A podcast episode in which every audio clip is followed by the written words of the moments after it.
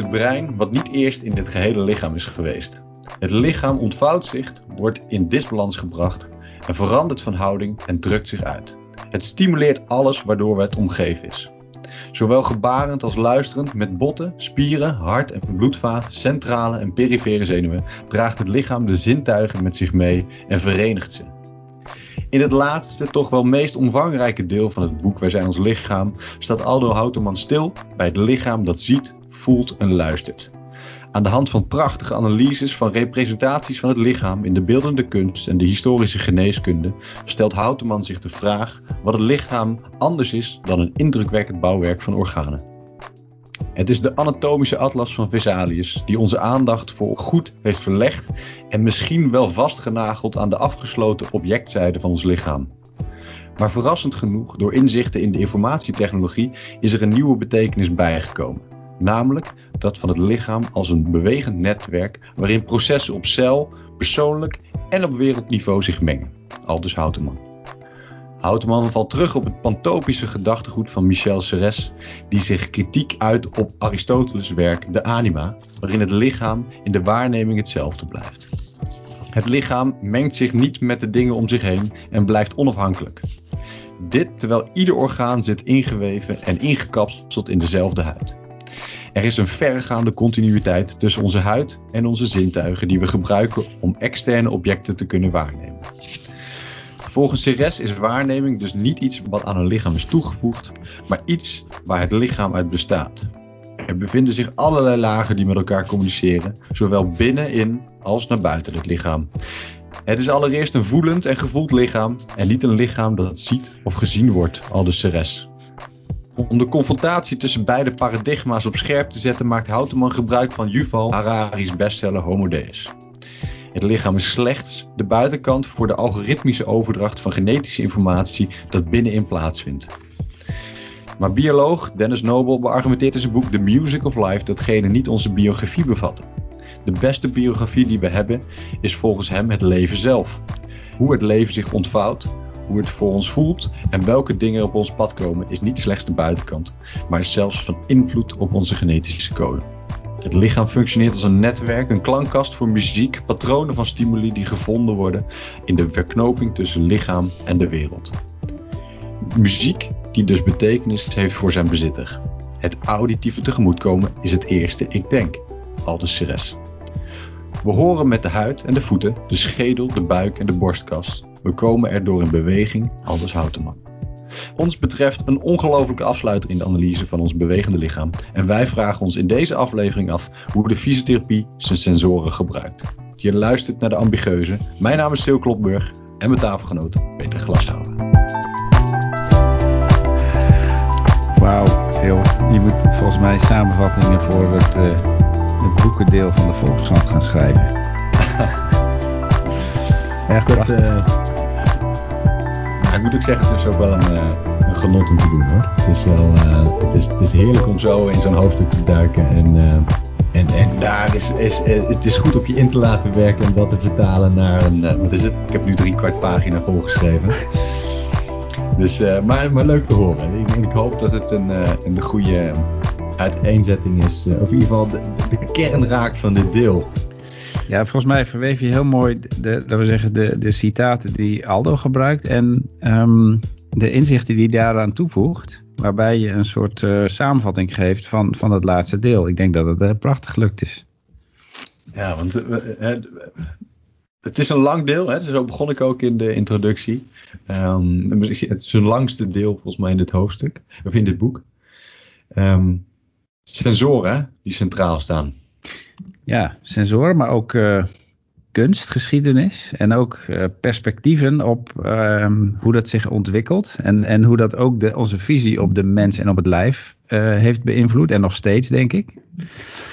Um, en, en volgens mij ook mooi ontrafeld langs mensbeelden die nu heel actueel zijn. Mm -hmm. Want ik geloof dat iedereen in mijn omgeving heeft dat boek Homo Deus gelezen die je net aanhaalde. Ja, dat, is, uh, ja, dat was toch wel uh, een eye-opener hoe uh, Aldo daar, daar even op ingaat op dat boek. Ja, hij, hij fileert hem toch wel aardig met wat goede argumenten inderdaad. Ja, en dat is, ik vond het, weet je, de, het is natuurlijk een bestseller. Misschien, hopelijk nu ook het boek van Aldo, maar ik heb het nu even over het boek Homo Deus, is een bestseller. En, en dat is ook niet voor niks. Dat is natuurlijk ook wel, en dat zegt ook wel iets over misschien wel dominante perspectieven op dat lichaam en, en, en, en, en het mens zijn. En het is ook wel goed en ik ben blij dat daar af en toe wel wat, wat tegengeluid aangegeven Ja, nou, nou, dat ben ik helemaal met je eens, omdat het, het het, dat boek van Homo Deus um, schetst volgens mij ook een, best wel een soort uh, wereldbeeld waarin wij als makkerschapen uh, onszelf naar de slagbank uh, kunnen leiden als we niet op tijd ingrijpen of zo. En Aldo heeft een veel hoopvollere kijk daarop, vind ik. Ja, dat is een mooi woord, hoopvoller. Ja, en dat je... Um, uh, weet je, als we even inzoomen op de, de, de combinatie tussen um, streeft het brein nou iets na en stuurt het lijf aan, of is het lijf bepalend voor um, het, de, de gedachten die het brein krijgt, of de gedragingen die die gaat tonen, dan is het, dan is het, dan is voortplanting veel meer dan alleen maar um, de, de, juiste partner zoeken, waar, volgens mij ja, Homo Deus veel meer over gaat. Van, ja, je, je moet um, alles is uit te leggen rondom geluksgevoel en voortplanting, zoiets. Ja, ja, ja, ja. En als je, de, zonder dat we nu uh, in de details van voortplanting gaan treden, maar ik, uh, op maandagavond volg ik een, um, een filosofische cursus bij de School of Life. Echt een aanrader overigens. Um, en daar, lopen we eigenlijk alle, alle filosofen van de, de geschiedenis lopen we langs. En daar hebben we het onder andere over uh, Schopenhauer en, en Nietzsche. En dat zijn wel filosofen die gaan ook over de wil. En uh, nou, dat is wel echt de moeite waard om, uh, om eens te bestuderen over hè, wat uh, moeten we gehoor geven aan onze wil en, en, wat voor een, nou ja, desastreuze effecten heeft die, die wil eigenlijk bij de mens. Um, en dan zeker ook als je dat dus in contrast zet met, met een beetje het algoritmische hoe Homo Deus en Yuval Harari dat, dat dus neerzet, kun je daar volgens mij genoeg kanttekeningen bij plaatsen. Hey, Peter, want wij zitten nu al direct bij, bij Homo Deus, um, een onderwerp wat in dit deel besproken wordt. Um, uh, nou, ik heb natuurlijk al gepoogd om in die introductie wel wat uh, een beetje de, de, de, de uitleiding van dit deel te beschrijven. Uh, maar misschien, zoals we dat eigenlijk in alle afleveringen doen, is het misschien goed om eventjes erbij stil te staan. Um, om, om, vervolgens eens te gaan kijken van wat herkennen we hier nu uit in de fysiotherapie. En, en wat zouden we nog veel meer kunnen doen om, om dit nou ja, wat, voor handen en voeten te geven in onze revalidatie. Ja. Um, sensoren. Hè? De, de, titel van het deel heet ook uh, ziet, voelt en, um, en, en hoort. Uh, dus het gaat echt over um, hoe eigenlijk wij de, de, de wereld en ons lichaam waarnemen. Um, en daarin begint hij, je gaf al aan, hè, de kunstgeschiedenis, daar begint hij bij Versalis. Versalis is, de, de, de persoon die de eerste anatomische atlas heeft uh, uh, gemaakt. En eigenlijk vanuit, dat, uh, vanuit die periode zien we dat we onze focus heel erg naar binnen het lichaam hebben gezet. En we vergeten, of in ieder geval wat je daarin niet meer terugziet, is de scène waarin dat lichaam afspeelt. Dat vond ik zo'n mooi woord, maar in ieder geval hoe medelichamelijkheid, de, de context waarin dat lichaam zich bevindt, een rol speelt. Nou, en dat, heeft, dat, dat beredeneert hij door. En op een gegeven moment maakt hij een kanteling naar ehm, met denkers zoals Ceres. Dat dat lichaam veel meer is dan alleen maar een soort van zak met organen. En dat dat het lichaam echt in verbinding staat met zijn omgeving. Nou, daar hebben we natuurlijk de afgelopen um, episodes ook al een paar keer over gehad. Maar hier doet hij dat echt vanuit het perspectief met de sensoren. denk aan de vijf sensoren die we hebben. Althans, die ooit zo gedefinieerd zijn door Aristoteles. Ja, de um, vijf zintuigen. Ja, ja, ja, exact. Ja. En dat, dat is wel een mooie hoe die daar op een gegeven moment die, die, die, die kanteling maakt naar um, ja, dat, dat, dat dat lichaam echt veel, uh, veel meer geweven zit in de omgeving. En daarmee misschien ook wel uh, op een andere manier communiceert dan we aanvankelijk denken. Ja, nou, wat volgens mij die Serre of Ceres of onze Franse uitspraak komt hier weer om de hoek kijken. Ja. Maar wat hij volgens mij echt heel ehm, belangrijk maakt, is zie je dat lijf nou als een, een brein als commandocentrum en een lijf als een machine? Wat echt volgens mij universeel is tot op de dag van vandaag. En in, vaak in hoe ik zelf praat ook nog steeds zo is, denk ik. Mhm. Mhm. Maar die uh, Serre die zegt gewoon, uh, het is een netwerk. Dus, uh, dus daar komt ook een soort complexiteit om de hoek kijken.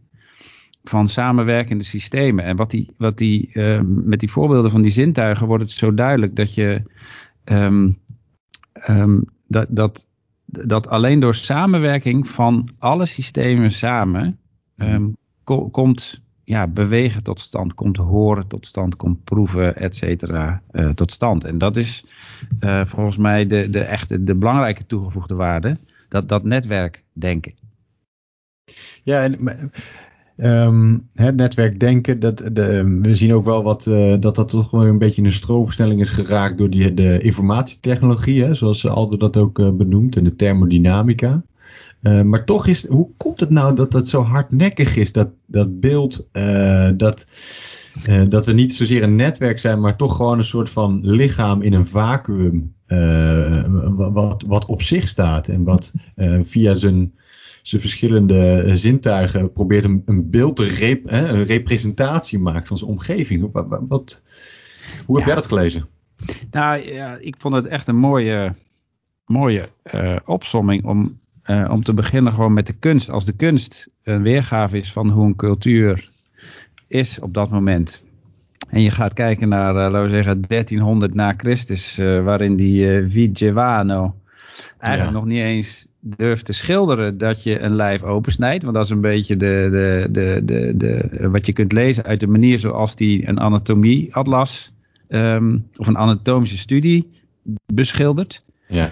dus de, de, de, de snijder lijkt nog toestemming te vragen aan het lijk van mag ik je opensnijden, weet je wel. Dus de, het, het, moet echt tot, tot 1500 duren uh, totdat Versailles in staat is om op een manier te tekenen dat je, uh, dat, je um, dat je dat lijf uh, echt weergeeft door het helemaal binnenste buiten te keren. En dan heb je dus de ontwikkeling van een samenleving nodig om uiteindelijk deze vormen te krijgen.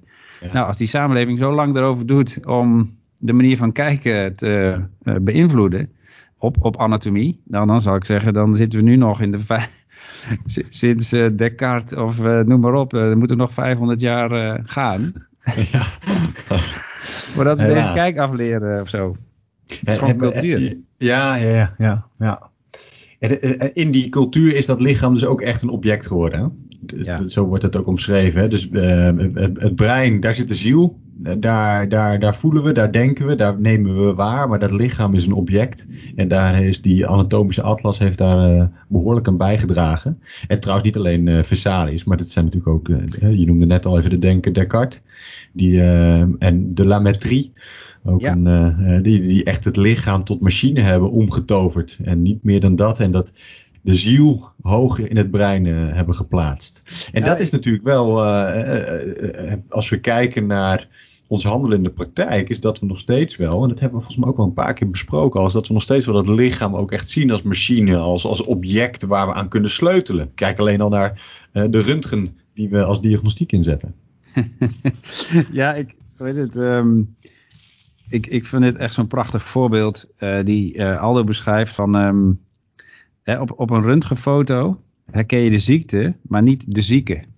Ja. Dus um, ik, ik werk op een, uh, op een polyorthopedie. Uh, en dan heb je in het systeem dat er ook altijd röntgenfoto's gemaakt worden. En dan vraagt de arts eigenlijk een retour aan. En dan um, moet ik de arts gaan halen om uiteindelijk het eindoordeel te geven. Maar ik kijk ook naar die röntgenfoto. Want, want het gaat ook om het verhaal van die patiënt natuurlijk te relateren aan wat we zien. Ja. dus, dus niet iedere artrose-patiënt moet je gelijk een nieuwe schouderkop in, uh, indouwen. Is dan uh, meestal mijn insteek. Ja. Um, maar wat ik nu, nu wel ga zeggen tegen mensen is: oké, nu gaan we even kijken naar je ziekte en niet meer naar jou als zieke. Of ik, ik haal eigenlijk even de, de ziekte uit jouw lijf. Vind je dat goed? Ik, ik ga dus proberen hoe mensen daarop reageren. Want volgens mij is, dat, is die is die hele machine kijkt naar hun lijf. Mensen zijn echt geïnteresseerd in waar zit dat haakje dan uh, van die botpunt die uitsteekt of zoiets. Mensen willen echt een soort mechanische uitleg van hun pijn. Ja, en ik heb ook het idee dat dat um, het gevoel, zowel bij arts, fysiotherapeut als bij de patiënt, met zich meebrengt dat we er ook makkelijk aan kunnen sleutelen. Het geeft ook, hè, dus als jij bij spreken je, je schouder of je, je, je pols onder de, de röntgen legt en je ziet daarin een, een breuk of je ziet iets wat kapot is, dan, dan geeft dat, het, het, brengt dat ook de illusie met zich mee dat we dat even makkelijk kunnen inwisselen, kunnen verruilen en daarmee ook de zieke, niet de, de, de, de, ziekte, zoals je hem net aangaf, maar niet de zieke ook wel vrij makkelijk op kunnen lossen. Ja, ja en die, weet je nog, ergens in aflevering uh, eh, 1 of 2 hadden we het over dat verschil tussen lichaam en lijf. Het is, ja. We praten over hetzelfde, maar zie jij, jezelf, zie jij het hebben van een lichaam of het hebben van een lijf? En die, ja, um, als jouw lichaam een ding is, Um, en je benadert als zodanig, dan, dan, zit dus pijn in jouw uh, lichaam. Het zit dus in, in een soort uh, machinerie lichaam. En um, het, terwijl um, het, het doorvoelde element, mm. de, de, de pijn zelf, is dat nou een gevolg van iets wat stuk is? Of zijn er meerdere processen mogelijk? En dan de moderne kijk op mensen is natuurlijk dat jij, ja, je hebt pijn als gevolg van iets wat in je lichaam gebeurt, maar je hebt het ook in bepaalde contexten. En dan zien we dat pijn ook contextafhankelijk wordt. Dus, dus niet meer afhankelijk van bewegen, maar afhankelijk van waar je bent.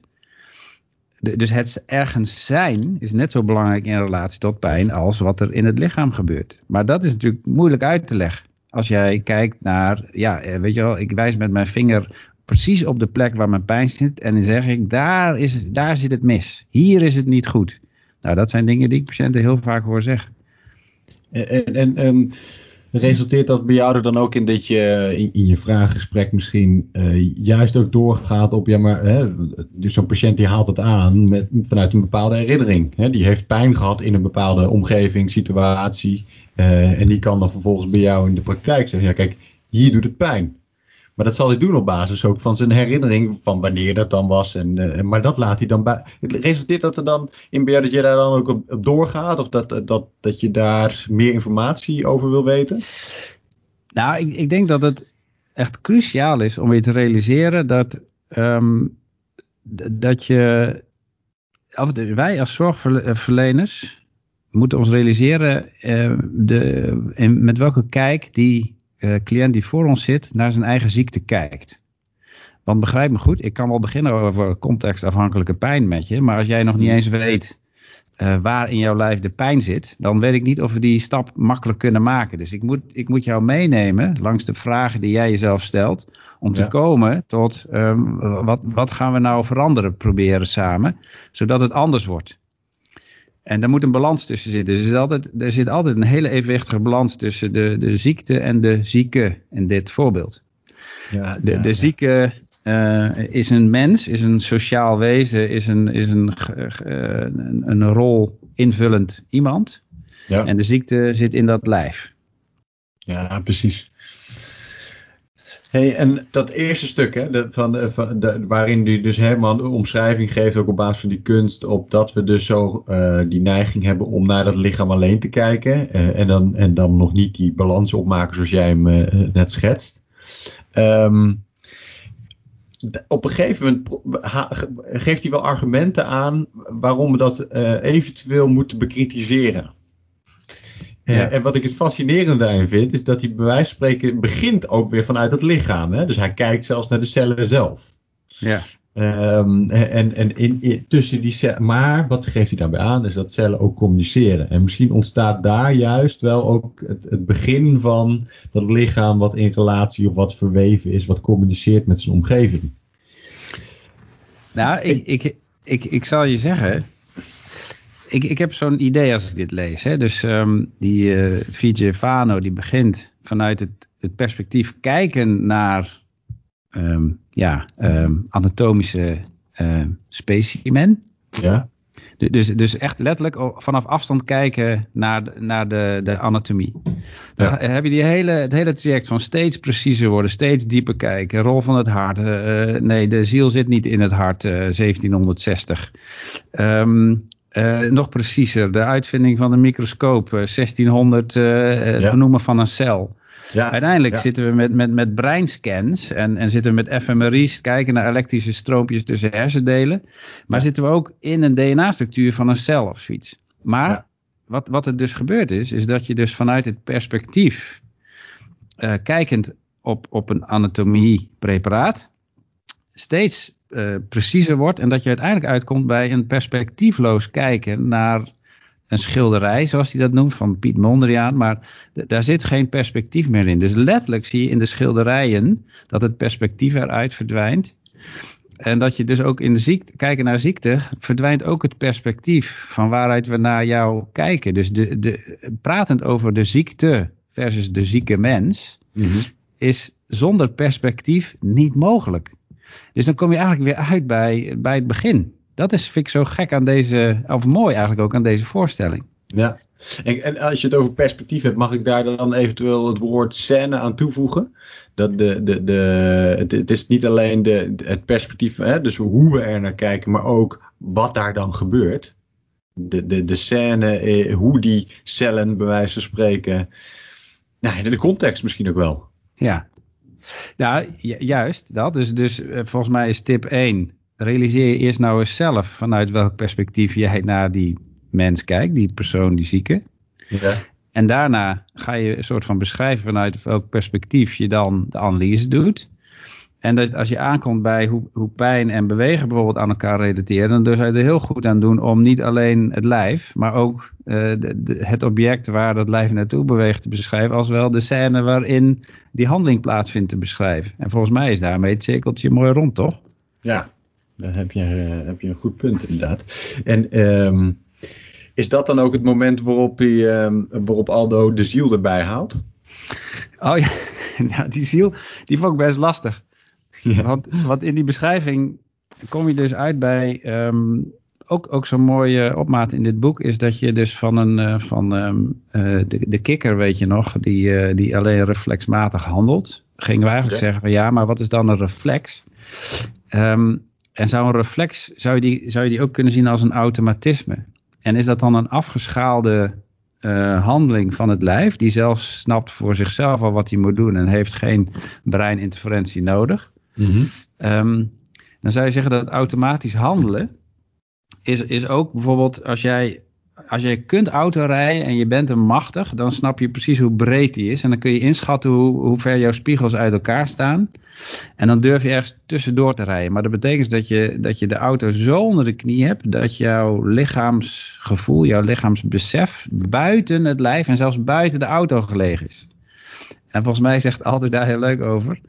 Of hij insinueert eigenlijk dat, dat dan de ziel zit in jouw vermogen om automatisch te kunnen handelen.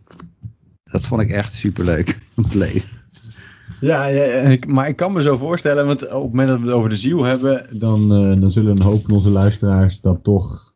Uh, ja, weet je, wat is de ziel? Die vraag die ligt daar natuurlijk onder. Waar hebben we het dan over? En uh, is er, bestaat er wel zoiets? Maar de koppeling die jij hier maakt met reflexmatig of met automatisme, daar zit misschien wel wat, wat, wat concreter in van wat die ziel dan voor ons betekent. Hè? En uh, jij zegt al, hè, hoe zo'n ziel zich verplaatst misschien wel naar de, de, randen van de auto. Er worden nog wat meer voorbeelden gegeven ook. Hè? Hoe die, uh, op het moment dat ik typ, dat de ziel in de vingertoppen zit uh, waarmee ik aan het typen ben. En, en, en, dat dat dus ook het, de plek is waar ik contact maak met, hè, waar ik in, in, in contact sta met de omgeving. Ja. En dat, dat um, hoe um, soms misschien ook wel wat, wat vaag die ziel voor ons is. En zeker voor ons, uh, voor de meeste van ons, moet ik zeggen, voor de meeste fysiotherapeuten onder ons, die ziel toch ook uh, um, uh, niet zo op de voorgrond staat, om het even netjes uit te drukken. Uh, vind, vind, ik hem daar, vind ik hem daar toch wel wat concreter worden over. Uh, ja, um, uh, wat houdt die voor ons in, die ziel? Ja, um, volgens mij schrijft Aldo ergens um, rond bladzijde 197 hierover. Mm. mocht je het terug willen lezen, is dat je hij had hier dat voorbeeld van uh, Serre erbij, die, ehm, die op, op, aan boord van een schip op de vlucht is voor een, voor een brand. En dan probeert hij door een patrijspoor te kruipen. Maar dan probeert hij achteraf te, te benoemen van, ehm, dus in de dikke rook hou ik mijn adem in en ga ik op zoek naar een plek om te kunnen ademen. Uh, ik, het brein hoeft het lijf op dat moment niet te vertellen wat hij moet doen. Het lijf handelt zelf als een soort van uh, um, ja, overlevingsinstinct. En het is ook zo dat hij nog nooit getraind heeft daarvoor. Dus eh, automatismen zijn heel moeilijk te benoemen. In, in wat hij vervolgens voor gedrag vertoont om zo'n patrijspoor te vinden, het luik open te gooien, zijn hoofd naar buiten te steken en daar weer adem te ademen en lucht op te zuigen. Um, maar het is natuurlijk één grote paniekactie. Um, maar waarbij um, ja, de vraag eigenlijk is van...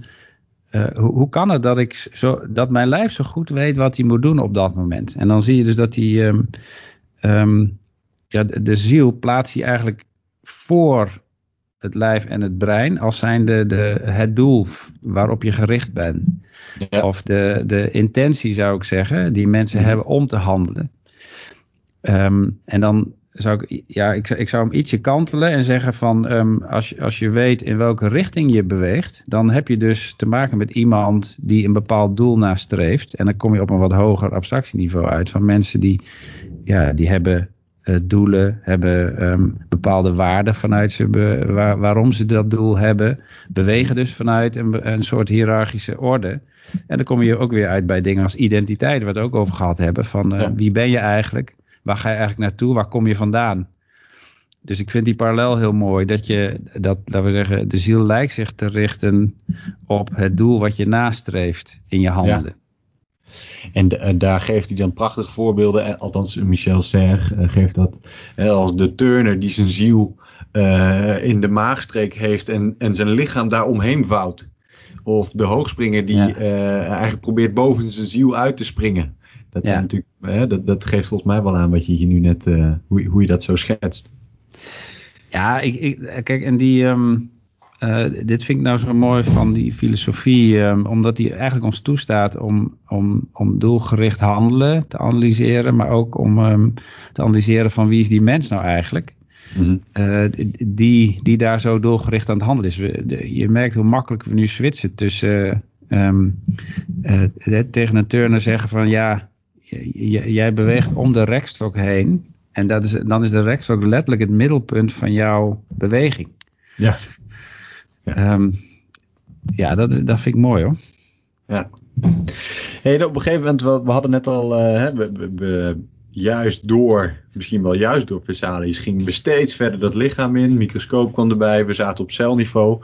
Uh, maar, en, en daar tot de conclusie komen dat, dat cellen uh, met elkaar communiceren. Dat, dat, dat, dat, ja, dat daar um, uh, eigenlijk communicatieve lijnen door het lichaam heen lopen. En niet alleen op celniveau, maar dan kun je vervolgens ook weer uitzoomen om ook op persoonlijk niveau en tussen mensen, daar hebben we natuurlijk vorige episodes ook over gehad, er van allerlei uitwisseling plaatsvindt.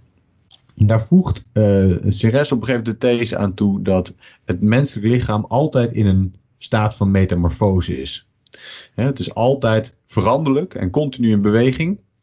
Uh, en in overgang naar iets wat het nog nooit of niet is geweest.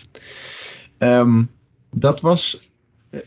Dat is voor mij een belangrijke these, omdat dat ook um, iets aangeeft over hoe moeilijk en hoe problematisch het is om een soort van terug te gaan naar identiteit, naar, naar, naar dat binnenste.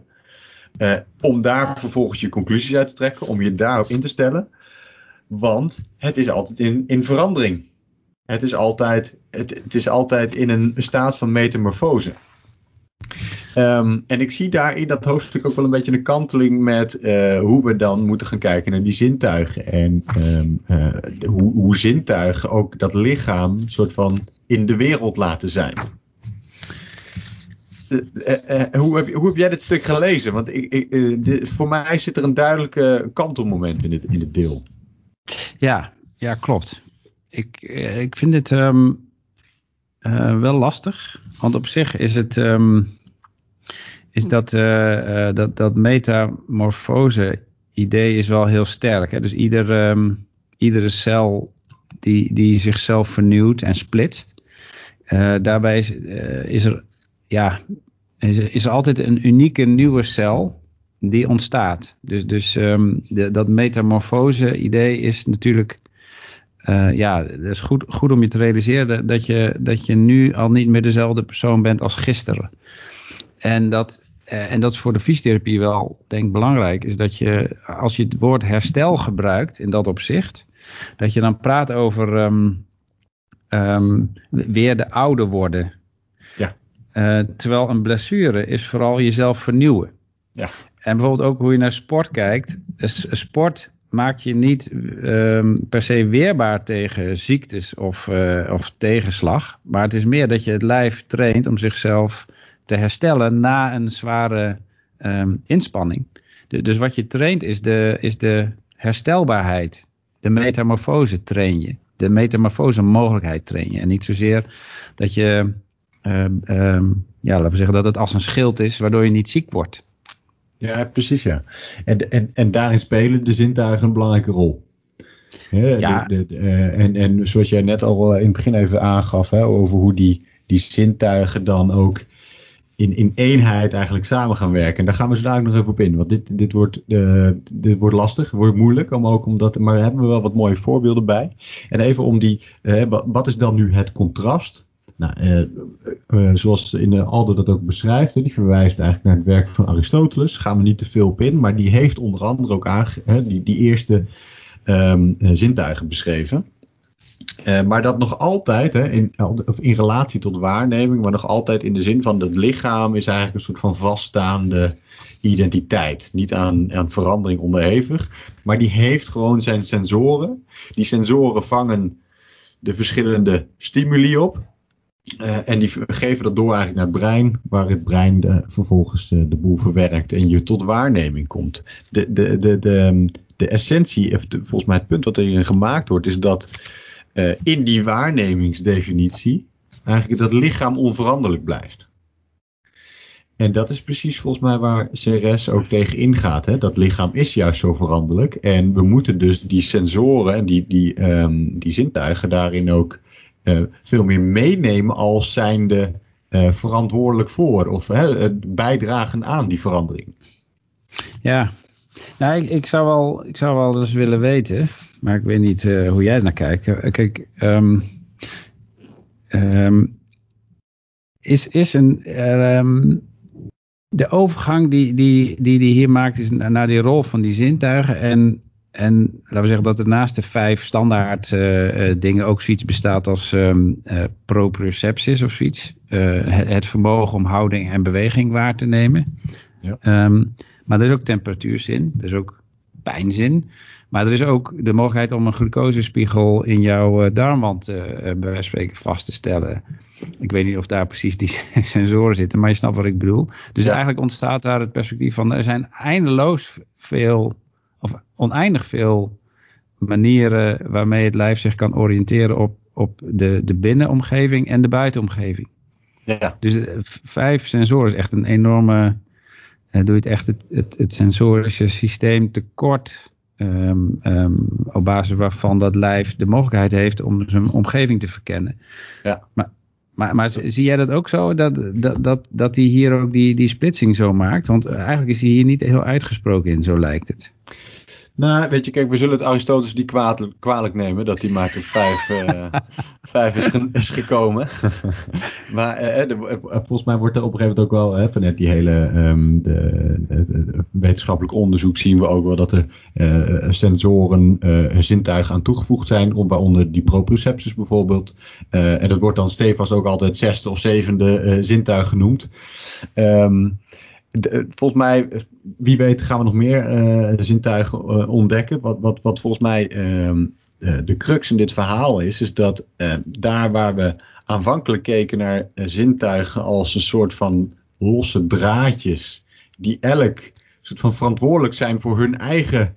Um, um, volgens mij noemen ze dat modaliteiten, om, om geprikkeld te worden, dat vervolgens vrij eenvoudig. Hè? Dus niks anders dan een messenger de informatie doorgeven naar het brein, waar dat alles overheersende brein het vervolgens tot waarneming uh, omgooit. En wat, wat volgens mij de crux is die, die hier gemaakt wordt, is dat, um, dat we daarvan af moeten stappen, omdat al die, um, uh, die, die zintuigen nog steeds zitten ingekapseld in diezelfde huid. Hm. Uh, en dat is volgens mij de opening die Ceres ook vindt, um, en, en Aldo heel mooi beschrijft, is dat we zien dat Hè, even als ik hem citeer, ieder orgaan zit ingeweven en ingekapseld in dezelfde huid. Er is een verregaande continuïteit tussen onze huid en onze zintuigen die we gebruiken om extra objecten te kunnen waarnemen. Als dat zo is, hè, dus die, die hele inkapseling, dan kun je dus niet meer zeggen van er is één zintuig verantwoordelijk voor één uh, modaliteit. Maar dat je dan veel meer over dimensies, over uh, communicatie, over hoe, uh, verschillende lagen van communicatie in zo'n lichaam, uh, hoe, hoe die aanwezig zijn en daarmee um, dat lichaam ook in de wereld laten zijn. Ja, is, is, is het zo hè, dat als je patiënten, patiënten klagen en die klagen over ja, ze klagen, want ze, ze hebben het over pijn en, en, uh, en vermoeidheid en over dingen die ze niet kunnen. Dus dat, dat, dat chargeer ik even, maar dat is ja. wat we noemen klagen. Maar, maar is het dan een goede vraag, waarom focus je zo op één van jouw sensoren, type sensoren, en die, waarom maak je die zo heel belangrijk? Zo'n zo'n nociceptor, zo'n zo'n uh, uh, zo'n zo systeem waarmee je uh, dreiging kan waarnemen. Waarom focus je daar zoveel op? Is dat een goede vraag voor een patiënt? Uh, de, ja, in, in, in die zin, of tenminste daarin nemen we dan wel aan dat een, um, dat een patiënt daar zich ook bewust van is. Hè? En als hij dat niet is, dan op basis van jouw vraag daar, zich daar bewust van gaat worden. Ja, ja, maar als je, kijk, dat grote verschil tussen weten uh, stel dat je zou weten um, waar, waar de, de, de, de, door jou gevoelde pijn van precies vandaan lijkt te komen, dan nog steeds zijn we mijlenver verwijderd van de, van de antwoord uh, op de vraag van hoe zorgen we dat die pijn weggaat en nooit meer terugkomt. Ja. De, de, um, waar ik mee zit, uh, is dat uh, ik het gevoel heb dat we te veel, um, hè, dat, volgens mij is dat ook wat er in je vraag zit, is dat we te veel focussen op één van die zintuigen als, als een ja. soort van onafhankelijke uh, systeem waar het ook in mis kan gaan. Het zou best wel zo kunnen, hè? dus de, laten we um, het voorbeeld nemen, je verzwikt je enkel. Hè? Dus je, da daarin um, zul je wat beschadiging aan het, aan het weefsel, aan wat, wat, wat ligamenten uh, terugzien. Uh, en mogelijk dus ook een stukje proprioceptus. Uh, er worden wat, uh, wat misschien geprikkeld. Maar met name is dat je, dat je gevoel ook wel um, beperkt is. Ja, is het dan voldoende of is het, kun je dan alleen op basis van die, die proprioceptus je, je behandeling, je informatie, je, je reflectie toepassen? Of zul je je moeten realiseren dat die, die proprioceptus nog altijd is ingekapseld in, uh, in, in die huid en daarmee dus ook uh, een klankkast vormt voor al die andere sensoren en al die andere um, uh, zintuigen. Nou, ja, volgens mij is dit een prachtig voorbeeld waarom je juist nooit je behandeling moet richten op het verbeteren van die eventueel verloren proprioceptus. Uh, want daar hebben we het in ons vakgebied wel vaak over. Hè? Dus dan gaan we proprioceptus trainen. Maar waarom ga je niet alle andere zintuigen trainen? Waarom ga je niet de context waarbinnen je bent trainen? Dus, dus um, dat netwerkvoorstel van Ceres Serre, die, um, uh, ja, die heel erg bezig is om, om, je om ons uh, te laten realiseren dat het gaat om het samenspel tussen al die zintuigen. Die maken ja. dat wij zijn wie we zijn en bewegen zoals we bewegen. En niet ja. alleen één systeem. Mag, mag ik daar een heel mooi citaat uh, ja. even aan toevoegen? Um, uh, gaat als volgt. Het hele lichaam wordt bespeeld en meegetrokken in de waarneming. Enkelgewrichten, borst, buik en ellebogen, zelfs de genitaliën houden zich bezig. En allemaal tegelijk en zonder reserves met de pasen van de tegenstander en de richting van de bal. Ja, volgens mij ja, ja, wordt hier toch wel, uh, wel aangegeven hoe ehm, dat hele lichaam soort van meedijnst op de, op de, op de, op de zintuigen die, uh, die, uh, die ons lichaam heeft. En daarmee ook de mogelijkheid geeft om te bewegen, om doelgericht te bewegen. Ja, ja en, en, en het, onvermogen wat wij hebben, ik, ehm, ehm, ik had een tijdje terug had ik um, een, een, les die ging over duizeligheid. En een aantal uh, patiënten die, die je tegenkomt in de kliniek, ja, die, die zijn geholpen door het idee dat je dat je even goed probeert te analyseren welk, welk mechanisme ter grondslag ligt aan de duizeligheid. Dus ik, ik kwam voor het volgende probleem uh, dat ik studenten moest gaan uitleggen welk testje ze moesten doen om erachter te komen welk deel van het systeem dan gestoord zou kunnen zijn.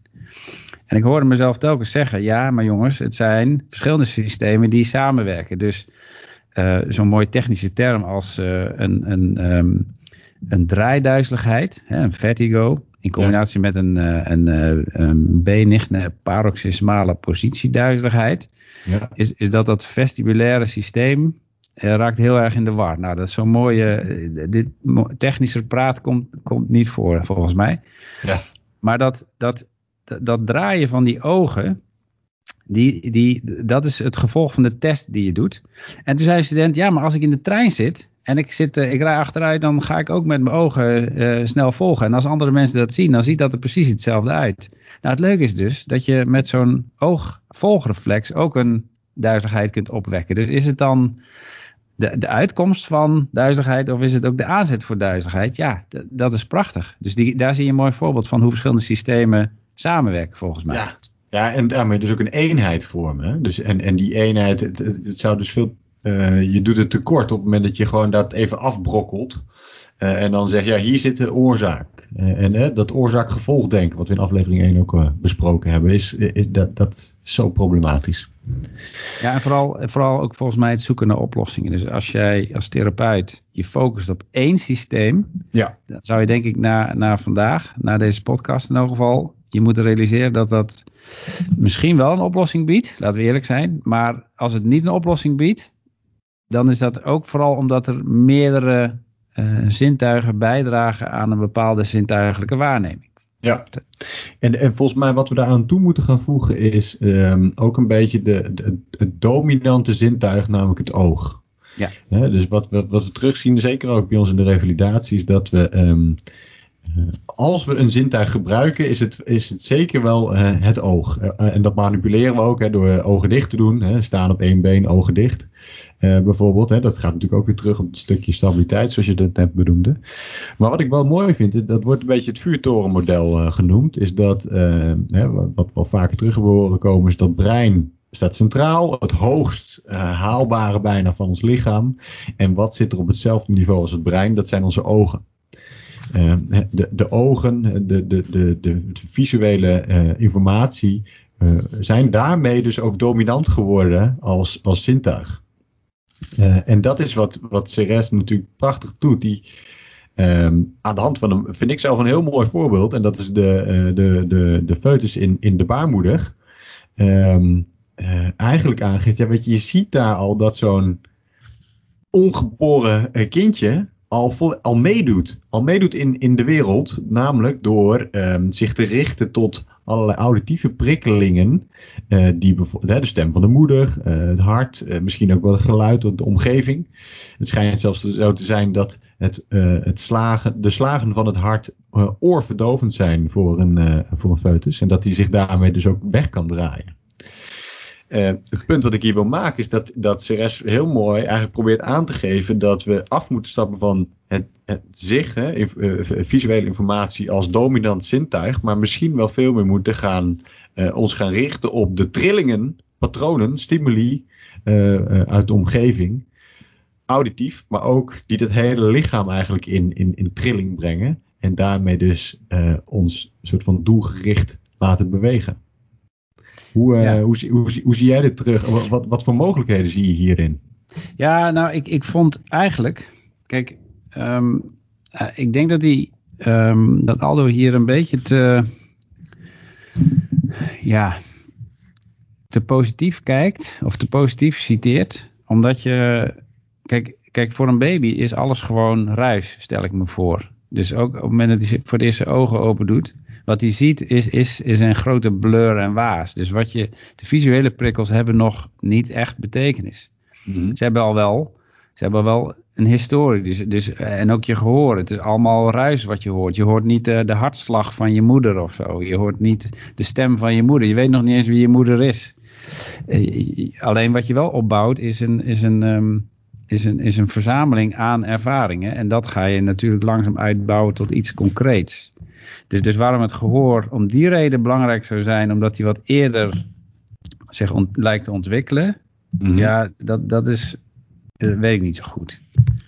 Ik weet niet of dat, of dat helemaal terecht is. Maar ik zou wel zeggen, kijk, die, um, uh, de, de, de, de, de, het de idee dat um, het brein ervaringen verzamelt en van daaruit concepten construeert en van daaruit betekenis geeft, mm die zou je eens moeten plaatsen naast um, hoe ontwikkelt jouw tactiele gnosis in jouw hand zich als jij nooit uh, precisiewerkzaamheden met je hand uitvoert? Hè, dus dat voorbeeld van uh, Serre waarbij uh, het mobieltje en het gebruik daarvan de, de functionaliteit van je typduim uh, laat toenemen. Dus, dus je, het vermogen om motorische letters te typen op zo'n iPhone is dan iets wat, um, um, wat veel meer aan de kant van de ontwikkeling van um, ja, het lijf zit en, en de, de mhm. mogelijkheid uh, van de duim zelf om letters te typen. En de mogelijkheden van, jou, uh, van jouw sensoren en al jouw, al jouw hoe noemen we dat ook weer? Al jouw zintuigen. Het, mhm. het, vermogen van het zintuig zelf om zich te ontwikkelen. En dan is het dus niet het brein wat, wat concepten en ervaringen opstapelt alleen. Daarnaast staat ook de ontwikkeling van de, eh, van het zintuig zelf. En, de, en de, de mogelijkheid van het lijf en het brein om samen te werken om bepaalde betekenis te geven. Dus ik denk dat dat, ik zou dat veel belangrijker maken. De zintuigelijke ontwikkeling uh, plaatsen bij het lijf en de sensor en niet in het brein. En, en, daarmee zeg je um, uh, dat, dat die zintuigelijke ontwikkeling zich eigenlijk plaats gaat vinden vanaf de geboorte, um, zonder een soort van kennis vooraf? Ja, dus je, de, um, hoe, zeg je dat? Uh, het, in het in het verstaan van de ander. Ook zo'n zo'n voorbeeld wat hij naar voren haalt. Hè? Dus ik, ik, luister en ik hoor wat je zegt. Mm -hmm. En je gebruikt woorden en de communicatie is dus sterk dominant. Net als het oog, uh, in dit geval in een luistervoorbeeld. Maar ik kijk jou ook aan via het scherm weliswaar helaas. Maar uh, ik, zie, ik zie ook hoe jij reageert op wat ik zeg. Dus ik, ik mhm. neem mee niet alleen wat ik hoor, maar ook wat ik zie. Stel je voor dat we samen in één ruimte zitten. Dan kunnen we elkaars nabijheid zelfs ervaren. Dus ik voel de wervelingen van jouw bewegingen. Dus, dus luisteren wordt op die manier veel meer dan alleen maar de tonen en de klanken en de woorden. Het wordt een samenspel van. Ja. Dus ik, ik hoor jou als ik ook vooral in staat ben om jou, jouw bewegingen te, te mimiken. En ik begrijp jou doordat ik echt ook in gedachten met jou mee resoneer. Um, en dat, dat wij samen resonerend elkaar begrijpen, dan voel jij je gehoord. Weet je, dit is een beetje een soort semantiek, maar ik denk wel die past uh, heel erg bij hoe, hoe je de, het nut van die, van die zintuigen moet zien. in dit ja, precies. Ja. ja. Ja, exact. Dus die eenheid die staat daar in, in, in centraal. Ik zat nog even te twijfelen toen je dit vertelde of je nou een empirist of een rationalist bent. Hè? Dus, dus, uh, dus iemand die, uh, die ervan uitgaat dat je zonder enige kennis geboren wordt en alles via de empirie uh, opdoet. Of dat er toch al wat, wat vooraf aanwezig is. Um, ja, dus goede vraag. moeten, we, moeten we een aparte, aparte aflevering aan besteden. Maar wat ik, um, wat ik, wat ik filter uit je, uit je voorbeelden, uit het, uit het, uh, betoog wat je houdt, is dat. Uh, en dat is uh, wat elke keer terugkomt, dus alleen maar inzoomen. Hè? Dus één systeem, één zintuig uitlichten en daar oorzaak-gevolg aan, aan hangen, is, is, is, is um, nou ja, te beperkt. Dat, ja. daarmee, daar, dat gaat niet lukken. En we, wat je net noemde over, de, volgens mij had je het over een telefoon, hè, de, met de duim. Um, dat, um, dan hebben we het niet alleen over sensoren en, en zintuigen in onze hand.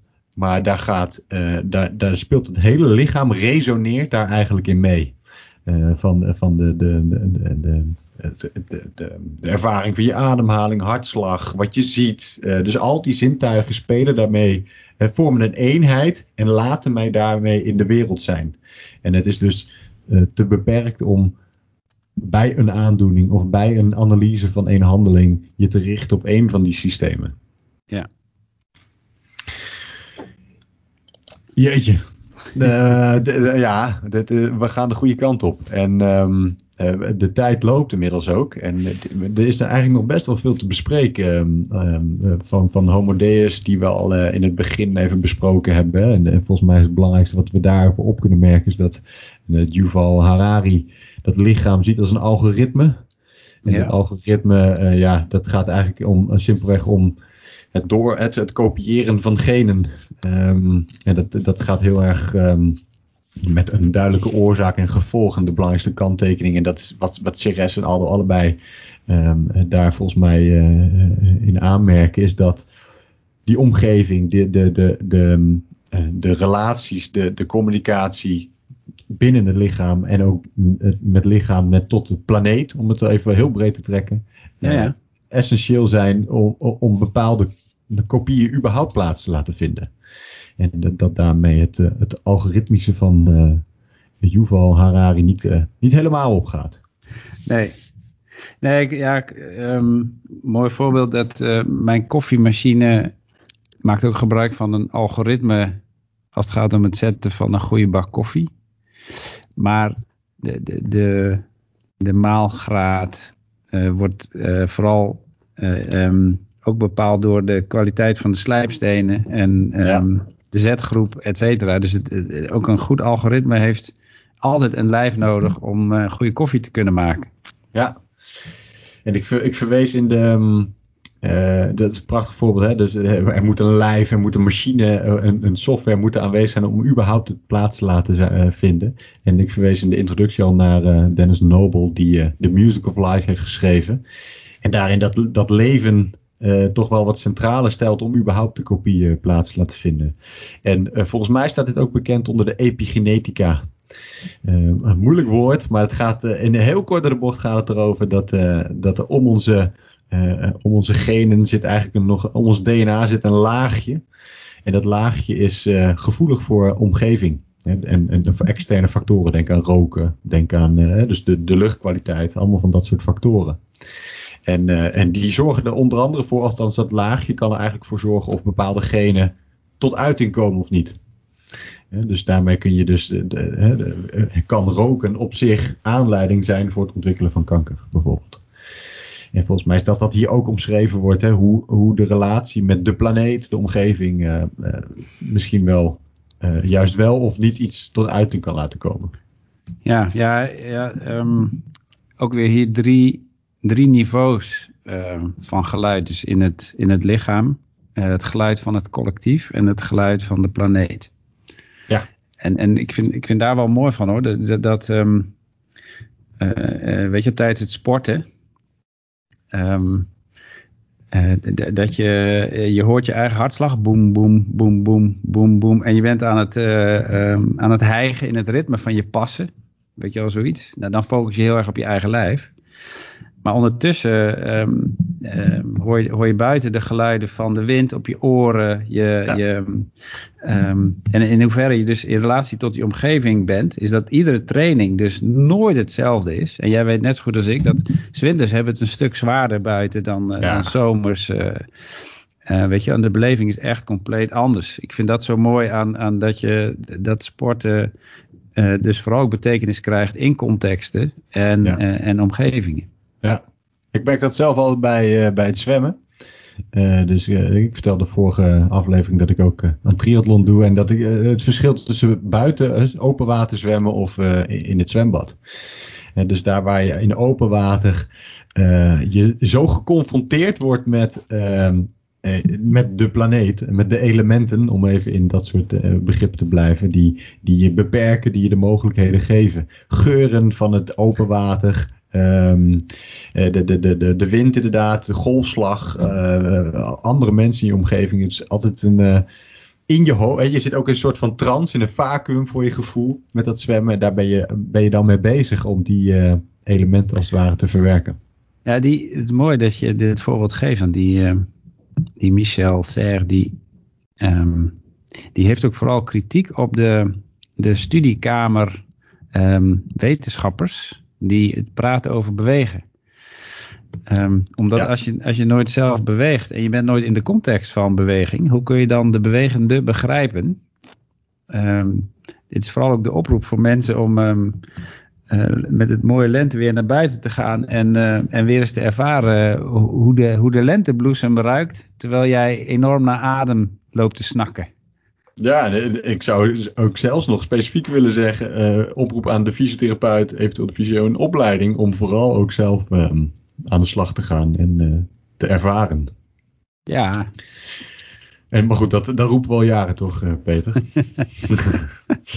hey, we, we, moeten op gaan houden, ja. want de, we, de, tijd vliegt voorbij. Ik zou, um, uh, er is nog zoveel te vertellen en er zijn nog zoveel vragen over het boek. We krijgen ondertussen ook mails binnen hè, over, ja. met, met vragen, met opmerkingen over de, de podcast die we, die we hebben gemaakt. Ja, Giovanni, um, bedankt. Leuke, leuke mail. Ja, zeker weten. Bedankt. En um, we, nou, we nodigen iedereen nog uit om daar uh, om, om nog meer mails in te sturen. Want zoals beloofd, um, we, gaan, um, we, we, plakken er nog een aantal afleveringen aan vast. Waaronder de volgende met Aldo. Aldo hemzelf. Uh, we, gaan, uh, we gaan in gesprek met hem over het boek. Aanleiding, uh, moeilijkheden. nou ja, met alle vragen die in ons opkomen. Dus bij deze ben je ook uitgenodigd om je vragen met ons te delen. Uh, daar kijk ik ontzettend naar uit. En, en ik, we gaan verder ook nog brainstormen over hoe we dit een gevolg, vervolg kunnen geven. Ja, misschien, misschien nog een vraag. Stel nou dat er luisteraars zijn die zeggen... Ja, ik vond dit filosofie vond ik zo leuk. Zouden jullie eens het volgende boek eens willen beschrijven... of de volgende vragen eens willen beantwoorden? Dan, dan zou ik dat ook super leuk vinden. Wij zijn in ieder geval gegrepen um, door het boek en door... Um, uh, door de gesprekken die we, die we voeren en de mails die we binnenkrijgen. Dus uh, volgens mij meer dan genoeg om hier vervolg aan te geven. En we, we, nodigen jullie uit om ook de volgende aflevering weer met ons mee te luisteren. Yes. Hey, dankjewel Peter, tot de volgende. Ja, leuk man.